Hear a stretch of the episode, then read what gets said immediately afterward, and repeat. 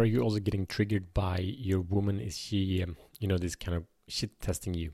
Is she challenging you? Is she emasculating you? And is she kind of questioning your strength in one way or another? We're going to uncover this, unpack this, and empower you in this question. And it's important because it's going to increase and level up your passion exponentially. So, welcome to Show the Fuck Up podcast. My name is Matt Fyron, and this show is for men that are ready to free themselves from the prison of playing small and unleash personal greatness. So, um, the action of women, woman, your woman, uh, challenging you, questioning you, triggering you, no matter how good you are, no matter what you do, even if you do everything perfect, is one of the biggest challenges for men. And this is deflating, this is emasculating, this is carving out a man's heart if he sees it in uh, ineffective in the wrong way. So the thing here is to understand what this means. And if your woman doesn't do this, that's an even bigger warning, but we'll come to that in a little while. So, a woman that is um, challenging you and testing you, uh, it can be by rejecting you uh, sexually, it can be by questioning uh, your strength, it can be by ignoring you, uh, by not responding to you, by not re- recognizing or uh, celebrating you in an empowering way. So, you can feel question in your strength as a man, and if she loves you and if you got what it takes.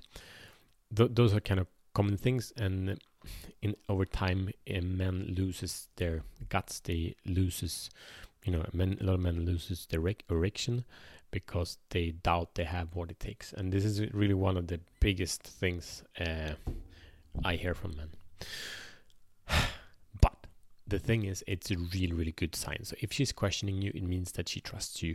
It means that she believes that you have what it takes, and it means that she is longing for you to show the fuck up in your full potential and take a stance and not be in reaction and response to her, but to be in holding the space uh, to love her even though she challenges you, love you, you even though you are uh, your buttons might even be pushed.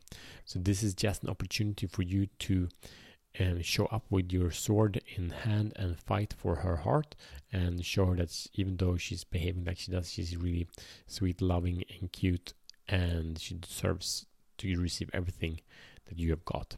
So if you take it personally, it means that you um, are a boy. It basically means that you're a little boy and you're relating to the little um, mother that she's uh, to you, and you need mom's validation to feel okay.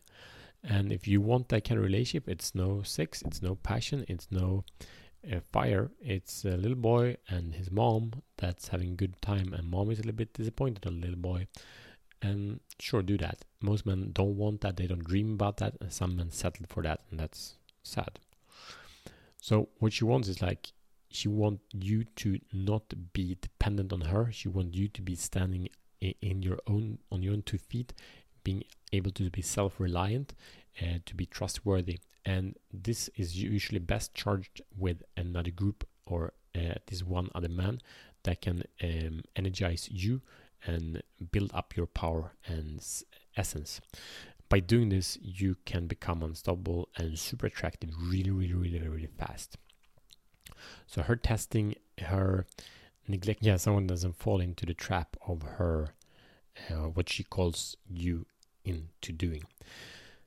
So the the the rule here is leadership, self leadership is leading her uh, into safe space, uh, in into your safe space. It can only happen then. And what it was speaking about before, if she doesn't challenge you, test you, question you, uh, tells you what to do, and and redirects your energy when you seem to be focused and you feel focused, then you are in real trouble because then she gave up on you.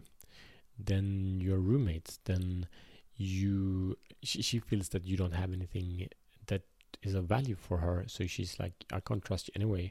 Why should i challenge you and see if you got anything? Because i know you've already proven you don't.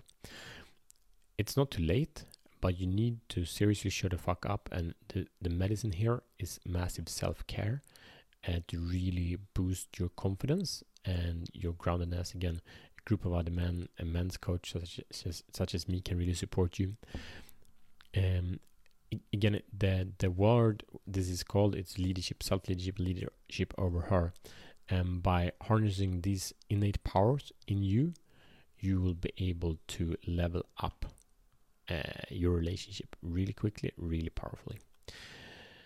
Okay, so your mission, should you choose to accept it, is either if, if she's testing you or if she doesn't test you today, to take charge and to relate to her testing in a new way.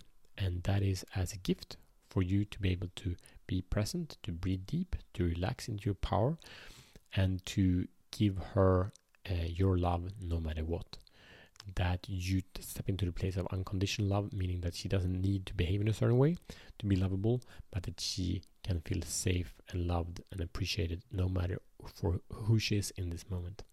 That is one of the biggest gifts, and it, few things transforms relationship as fast as this do. Share this episode with a man that's in a relationship that wants more passion, and um, I see you tomorrow as better men.